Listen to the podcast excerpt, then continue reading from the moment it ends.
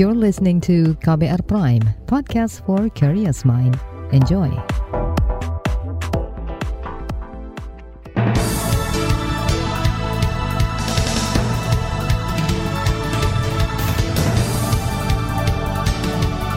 Selamat pagi saudara, senang sekali kami bisa menjumpai Anda kembali melalui program Buletin Pagi edisi Jumat 15 Juli 2022.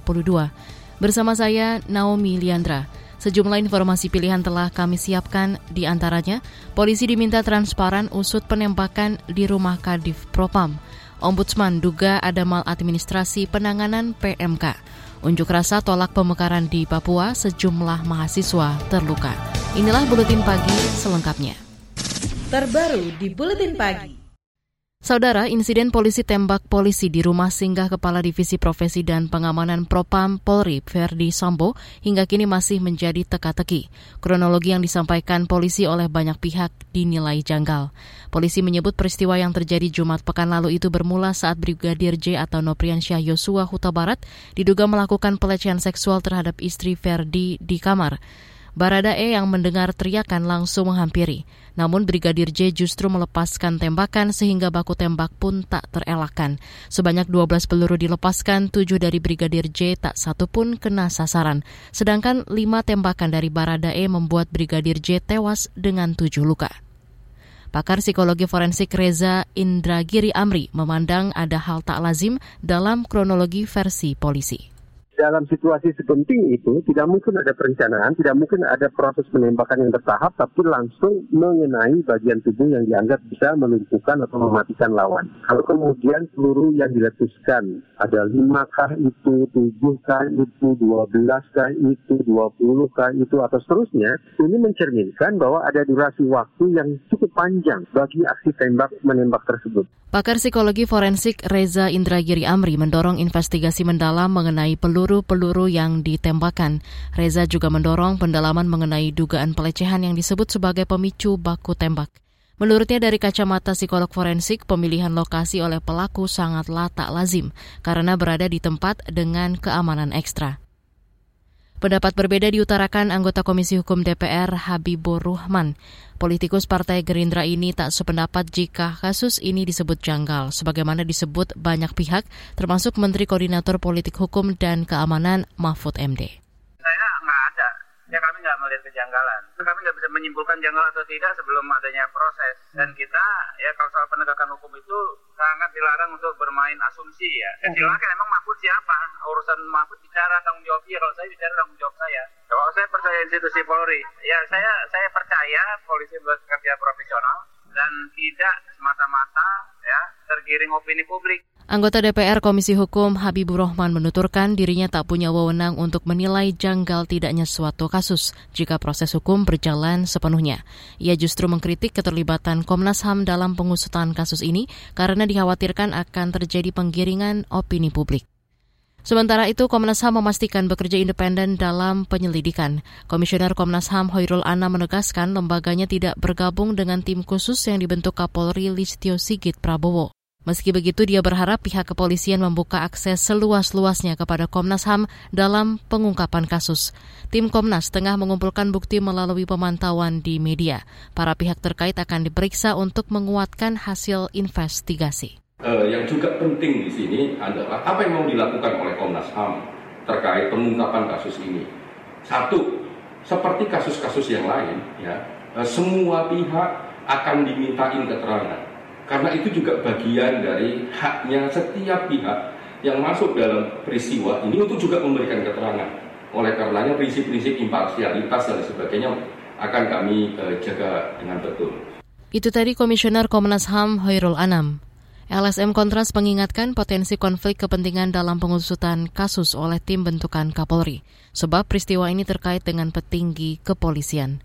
Peneliti Kontras Rozi Brilian menekankan pentingnya independensi dan transparansi. Ini melibatkan apa namanya melibatkan salah satu petinggi atau jenderal kepolisian itu Verdi Sambo begitu ya yang kemudian uh, memang terjadi di rumahnya. Kemudian juga tim khusus dibentuk, tapi itu tadi lagi-lagi independensi, mereka harus transparan, harus akuntabel, setiap temuannya itu disampaikan kepada uh, kepada publik begitu ya. Nanti publik bisa menilai begitu ya, apakah misalnya temuan ini masuk akal dan lain sebagainya. Peneliti Kontras, Rozi Brilian mendorong Lembaga Perlindungan Saksi dan Korban LPSK melindungi keluarga Brigadir J yang tewas, sebab mereka rentan mendapat intimidasi. Intimidasi itu sempat terungkap saat keluarga mengaku dilarang melihat jenazah Brigadir J oleh pihak kepolisian. Keluarga juga mengaku didatangi polisi sehari usai insiden.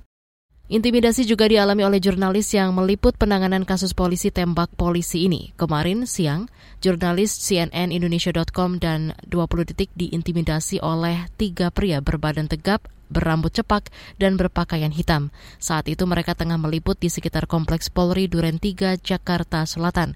Semua video dan foto hasil rekaman peliputan dihapus paksa. Aliansi Jurnalis Independen Aji mengecam aksi ini. Kepala Divisi Advokasi Aji Erik Tanjung mengatakan tindakan tersebut merupakan bentuk pelanggaran terhadap kebebasan pers. Aji mendesak Kapolri dan Kapolda Metro Jaya mengusut kasus kekerasan dan intimidasi jurnalis.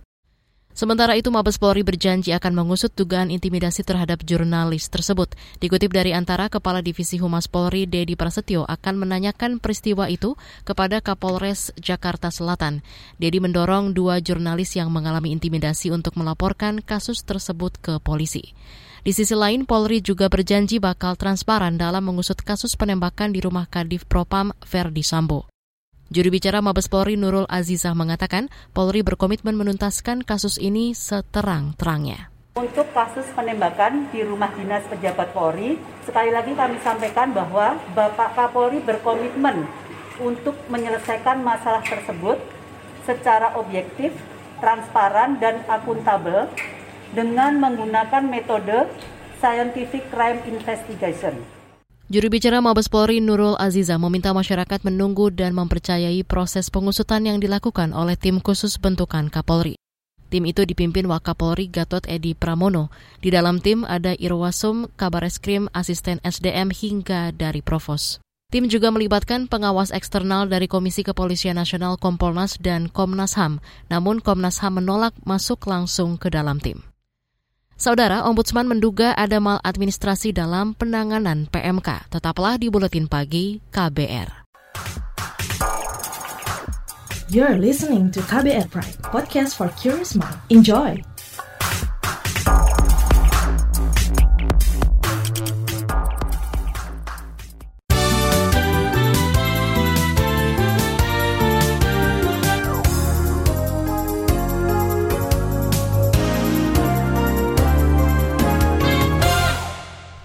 Anda sedang mendengarkan buletin pagi KBR.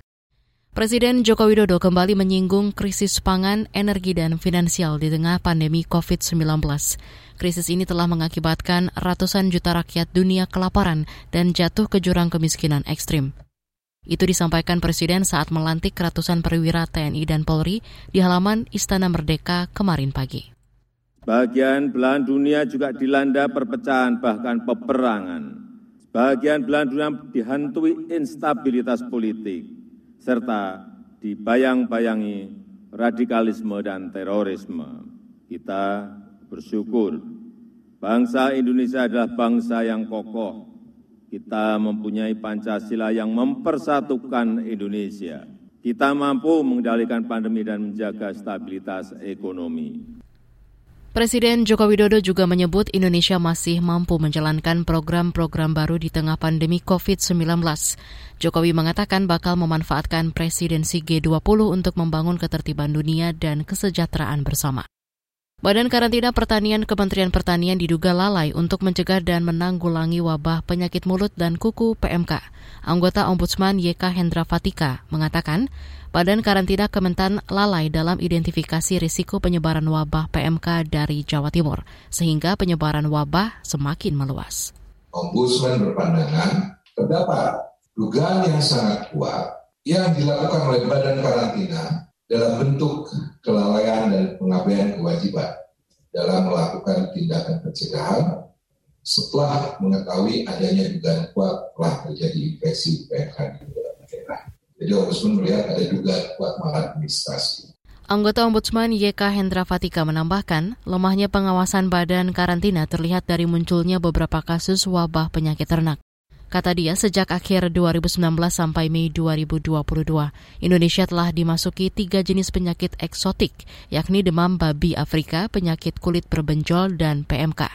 Data dari Satgas Penanganan PMK hingga awal Juli, PMK telah menyebar ke 21 provinsi dan 230-an kabupaten atau kota di Indonesia. Karantina pasca ibadah haji tidak lagi diberlakukan. Kepala Pusat Kesehatan Haji Budi Silvana mengatakan jemaah bisa langsung beraktivitas seperti biasa saat tiba dari Arab Saudi. Saya ingin mempertegas kembali bahwa tidak ada karantina bagi jemaah haji Indonesia tahun ini ya. Jemaah haji tetap bisa melakukan aktivitas seperti biasa, namun jika dalam 21 hari ke depan setelah tiba tanah air ada gangguan kesehatan, kita minta untuk segera berobat dengan membawa kartu K3CH. Kepala Pusat Kesehatan Haji Budi Silvana menjelaskan jemaah haji akan langsung dicek kesehatan begitu tiba di bandara. Selain itu akan ada observasi terhadap jemaah di asrama haji. Jika ada jemaah dengan gejala demam atau potensi penyakit menular, akan dilakukan tes antigen. Keinformasi hukum, Brotoseno dipecat dengan tidak hormat dari kepolisian. Ia merupakan eks terpidana korupsi yang bebas bersyarat pada Februari 2020. Juru bicara Mabes Polri Nurul Azizah mengatakan pemecatan diputuskan dalam sidang Komisi Kode Etik Polri KKEP yang digelar Jumat pekan lalu. Memutuskan untuk memberatkan putusan sidang Komisi Kode Etik Polri nomor PIT 72 10 Romawi 2020 tanggal 13 Oktober 2020 menjadi sanksi administratif berupa PTDH pemberhentian tidak dengan hormat sebagai anggota Polri. Juru bicara Mabes Polri Nurul Aziza menambahkan, sampai keputusan pemecatan diterbitkan, Brotoseno masih berstatus anggota polisi aktif. Saat ini keputusan tengah diproses di bagian sumber daya manusia SDM Polri. Badan Kependudukan dan Keluarga Berencana Nasional BKKBN akan melakukan audit untuk mendorong percepatan penurunan stunting di daerah. Kepala BKKBN Hasto Wardoyo mengatakan audit stunting dibentuk di tingkat provinsi sampai tingkat desa kelurahan. Tim dilengkapi dengan satuan tugas yang memiliki jalur komando dari pusat sampai pendamping keluarga audit stunting ini rekomendasinya masih sehat ya dalam hal ini hanya stunting. Sehingga rekomendasinya tentu bagaimana mengatasi ini supaya stuntingnya teratasi. Gitu. Atau bahkan mungkin ini bukan kasus stunting, tapi ini kasus yang punya masalah lain. Gitu. Nah, inilah harapan kami dari uh, audit stunting ini, karena audit stunting itu menyangkut masalah medical record atau data yang sifatnya individu. Jangan lupa kerahasiaan itu menjadi bagian penting. Kepala BKKBN Hasto yang menambahkan, audit stunting tidak hanya fokus pada balita, namun diarahkan pada upaya pencegahan lahirnya bayi stunting. Menurutnya diperlukan surveillance data rutin yang memadai sebagai basis seleksi kasus dan kajian. Beralih ke informasi ekonomi, Bank Dunia memberikan penilaian yang positif atas perkembangan ekonomi Indonesia saat ini. Itu disampaikan Kepala Bappenas Suharso Monoarfa usai mendampingi Presiden Joko Widodo menerima delegasi Bank Dunia di Istana Merdeka, Jakarta kemarin. Dan di antara negara-negara yang sekarang sedang menghadapi uh, situasi yang serba sulit, Indonesia relatif uh, bisa menjaga stabilitasnya dengan tingkat pertumbuhan ekonomi yang mudah-mudahan bisa mencapai uh, di atas uh, eh, 5% pada tahun ini dan kita sudah buktikan pada uh, setidak-tidaknya semester pertama ini mungkin mendekati uh, di atas 5,1 persen. Kepala Bapenas Suharso Monoarfa menambahkan Bank Dunia menyarankan Indonesia untuk mendorong pertumbuhan ekonomi dari sumber lain, misalnya ekspor. Bank Dunia juga berkomitmen mendukung ketahanan pangan dan transisi energi Indonesia. Kata Soeharto, Presiden meminta agar masukan dari Bank Dunia ditindaklanjuti. Kita ke informasi mancanegara. Lebih dari 200 WNI yang berada di sejumlah tempat penahanan imigrasi Sabah Malaysia akan segera dipulangkan ke tanah air. Itu menyusul laporan sejumlah WNI yang meninggal di fasilitas tersebut. Dilansir dari antara, Direktur Perlindungan WNI Kementerian Luar Negeri Juda Nugraha mengatakan akan mempercepat proses pemulangan bulan ini. Rencana pemulangan merupakan hasil pertemuan perwakilan Indonesia dan Konsul RI di Tawau dengan otoritas imigrasi Sabah. Dari pertemuan itu terungkap 25 orang tewas dalam kurun 2021 hingga Juni 2022. Parlemen Sri Lanka mengklaim Presiden Gotabaya Rajapaksa sudah mengundurkan diri secara lisan. Dikutip dari CNN, Ketua DPR Sri Lanka Mahinda Yapa mengonfirmasi Raja Paksa mengundurkan diri melalui telepon pada Rabu kemarin, namun surat mundur belum diterima DPR. Berdasarkan konstitusi Sri Lanka, pengunduran diri Raja Paksa baru dinyatakan sah jika parlemen menerima surat resmi. Publik ramai-ramai mendesak Presiden dan Perdana Menteri Sri Lanka turun jabatan imbas krisis ekonomi yang mendera negara itu. Ribuan warga yang marah mengeruduk rumah Presiden dan Perdana Menteri untuk meminta mereka turun. Beralih ke informasi olahraga. Delapan wakil Indonesia akan berlaga di babak perempat final kejuaraan bulu tangkis Singapura Open hari ini. Empat di antaranya berasal dari nomor ganda putra. Pasangan Fajar Rian akan bersua ganda non-unggulan dari Singapura. Kemudian Hendra Ahsan akan menghadapi pemain India Arjun Kapila. Di nomor tunggal di nomor ganda putri, Apriani Rahayu Siti Fadia akan melawan pasangan Jepang Sayaka Hinata Suzuki. Dari tunggal putra, Anthony Ginting akan melawan pemain Malaysia Zeyong. Sementara satu-satunya tunggal putri yang tersisa, Gregoria Mariska, menghadapi Wang Shiyi dari Tiongkok. Di bagian berikutnya kami hadirkan laporan khas KBR bertajuk Kasus Harian Positif COVID-19 melonjak 6 kali lipat. Nantikan sesaat lagi. You're listening to KBR Pride, podcast for curious mind. Enjoy!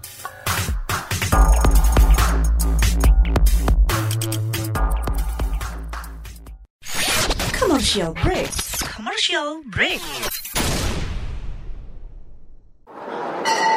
Lo boros. Gue maskulin. Rokok membunuhmu. Rokok menyelamatkan negara.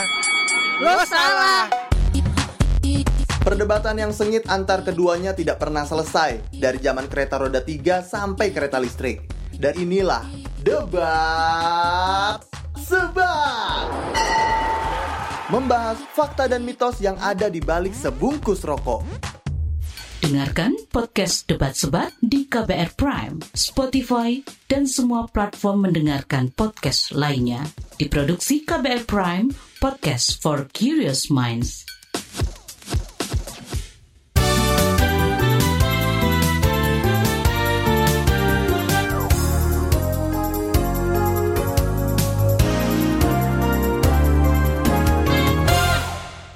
Anda masih bersama kami di Buletin Pagi KBR.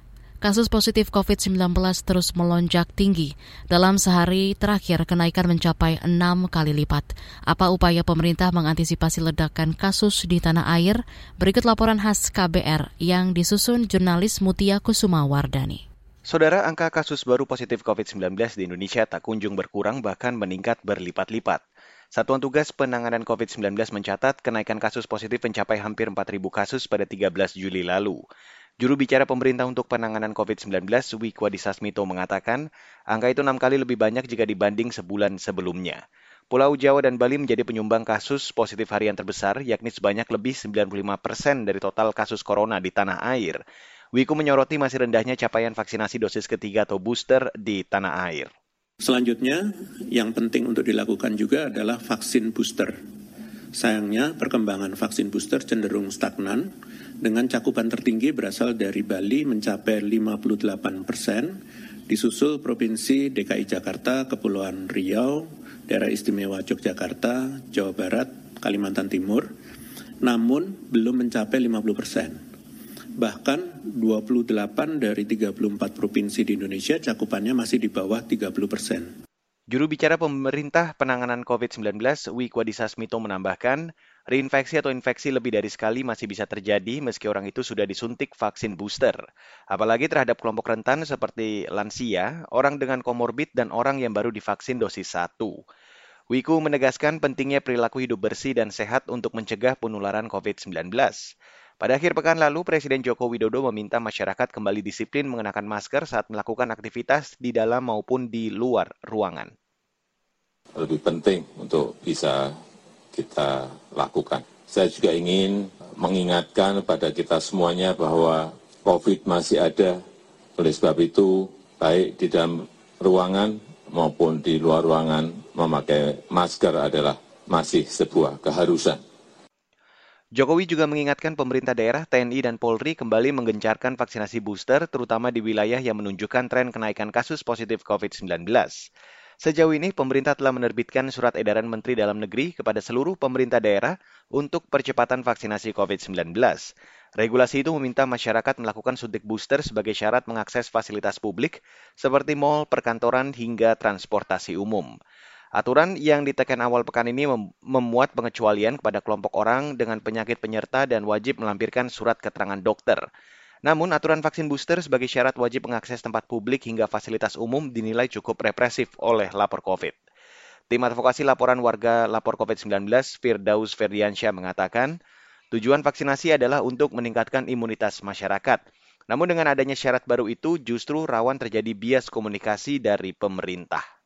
Kalau memang vaksin booster dijadikan uh, syarat begitu ya pemerintah harus betul-betul menj menjamin ketersediaan vaksin khusus booster di di seluruh daerah, di masing-masing daerah. Jangan sampai kemudian masalah di mana vaksinnya sudah dijadikan syarat, tempat tetapi vaksinnya nggak ada, itu timbul lagi masalah. Nah ini kan sangat-sangat apa merugikan warga ya. Tim advokasi laporan warga lapor COVID-19 Firdaus Ferdiansyah menambahkan, Distribusi dan pemerataan vaksinasi masih menjadi pekerjaan rumah pemerintah. Terlebih jenis vaksin booster harus spesifik sesuai dengan jenis vaksin yang disuntikan untuk dosis pertama dan kedua. Sementara itu, anggota Komisi Kesehatan DPR, Rahmat Handoyo, meminta pemerintah memperketat kegiatan masyarakat jika terjadi lonjakan kasus COVID-19 tetap menggunakan PPKM level kalau ternyata masyarakat dengan imbuan itu e, masih tetap melakukan suatu aktivitas yang kemudian potensi naik, saya kira PPKM level ya harus kita terapkan. Kalau terjadi kenaikan, tentu pembatasan-pembatasan aktivitas masyarakat akan kita kembali lagi mundur lagi. Pembatasan menjadi e, work from home, kemudian pembatasan kerja di dalam kantor dikurangin atau ada pembatasan, termasuk di mal pembatasan, nah itu perlu kita gaungkan kembali. Anggota Komisi Kesehatan DPR fraksi PDI Perjuangan Rahmat Handoyo menjelaskan, pengetatan kegiatan masyarakat merupakan konsekuensi apabila masyarakat terus mengabaikan protokol kesehatan dan memicu ledakan kasus corona. Karenanya, ia menekankan pentingnya disiplin protokol kesehatan, terlebih varian BA4 dan BA5 yang saat ini mendominasi kasus corona di tanah air punya tingkat penularan yang tinggi. Saudara laporan ini disusun Mutia Kusuma Wardani dan saya Reski Mesanto. Informasi dari berbagai daerah akan hadir usai jeda. Tetaplah bersama Buletin Pagi KBR. You're listening to KBR Pride, podcast for curious mind. Enjoy!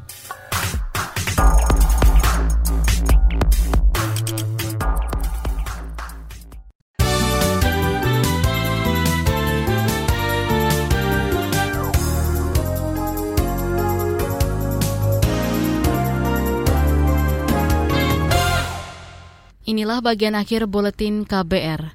Sejumlah mahasiswa Universitas Cendrawasih Jayapura terluka saat polisi membubarkan paksa unjuk rasa menolak otonomi khusus Otsus dan pemekaran kemarin. Beberapa mahasiswa diduga dipukul menggunakan tokat trotan. Koordinator aksi Kamus Bayage mengatakan, polisi membubarkan paksa mahasiswa saat sedang berorasi di depan Gapura Kampus Uncen. Saat itu masa berencana menuju kantor DPR Papua kasih hancur megapon kami punya megapon sebagai buktinya kami ada pegang. Ada kawan-kawan beberapa yang dapat pukul terus mereka eh, usir. Kami sampai dengan uh, dalam lingkungan kampus aparat kepolisian melakukan kekerasan. Akhirnya uh, kami bubar. Kita harus bubar Sementara itu, Kepala Subbagian Pengendalian Operasi Polres Kota Jayapura Widodo mengatakan polisi sudah membiarkan mahasiswa berorasi di Gapura kampus. Akan tetapi, polisi melarang mahasiswa menuju ke kantor DPR Papua sebab unjuk rasa itu tidak memiliki izin. Kita ke Jawa Timur. Sebanyak 10.000 pohon cemara dan mangrove ditanam di sepanjang pesisir Banyuwangi, salah satunya Pantai Cemara. Komandan Kodim Banyuwangi Eko Julianto Ramadan mengatakan penanaman pohon bertujuan untuk mencegah abrasi yang lebih parah. Harapannya apa yang kita tanam bisa dijaga di pantai ini. Mudah-mudahan apa yang kita tanam ini insya Allah akan hidup, besar, anak cucu kita yang akan menemukan. Sementara itu, Asisten Perekonomian dan Pembangunan Setda Banyuwangi Dwianto mengatakan, Pantai Cemara merupakan satu-satunya ruang terbuka hijau sekaligus hutan kota yang ditumbuhi pohon cemara dan mangrove di kawasan perkotaan. Nantinya pantai ini bisa menjadi wisata edukasi. Kepala Kantor Staf Presiden KSP Muldoko membantah pembatalan pencabutan izin Pondok Pesantren Sidikiah di Jombang, Jawa Timur didasari unsur politik. Kata dia, perbuatan pelaku pencabulan tidak bisa disamakan dengan keberadaan lembaga pendidikan. Oh, sebenarnya uh, kita harus memang apa melihatnya uh, antara perilaku pribadi dan kelembagaan. Saya pikir uh, sangat bijaksana memang karena itu dilakukan oleh uh, perilaku perorangan, mestinya lembaganya harus diselamatkan. Sebelumnya, Kementerian Agama sempat mencabut izin operasional dan membekukan tanda daftar pesantren Majma'al Bahrain Sidikia di Jombang. Tindakan itu diambil lantaran salah pimpinan pondok Moh Subhi diduga melakukan pencabulan. Tak berselang lama, Menteri Agama Ad Interim Muhajir Effendi membatalkan pencabutan izin tersebut. Informasi tadi menutup jumpa kita di Buletin Pagi hari ini. Pantau juga informasi terbaru melalui kabar baru, situs kbr.id, Twitter kami di akun @beritaKBR, serta podcast di alamat kbrprime.id. Akhirnya saya, Naomi Liandra, bersama tim yang bertugas undur diri. Salam.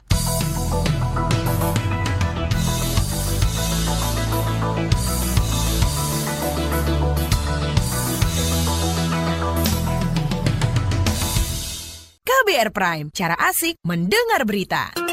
KBR Prime, podcast for curious mind.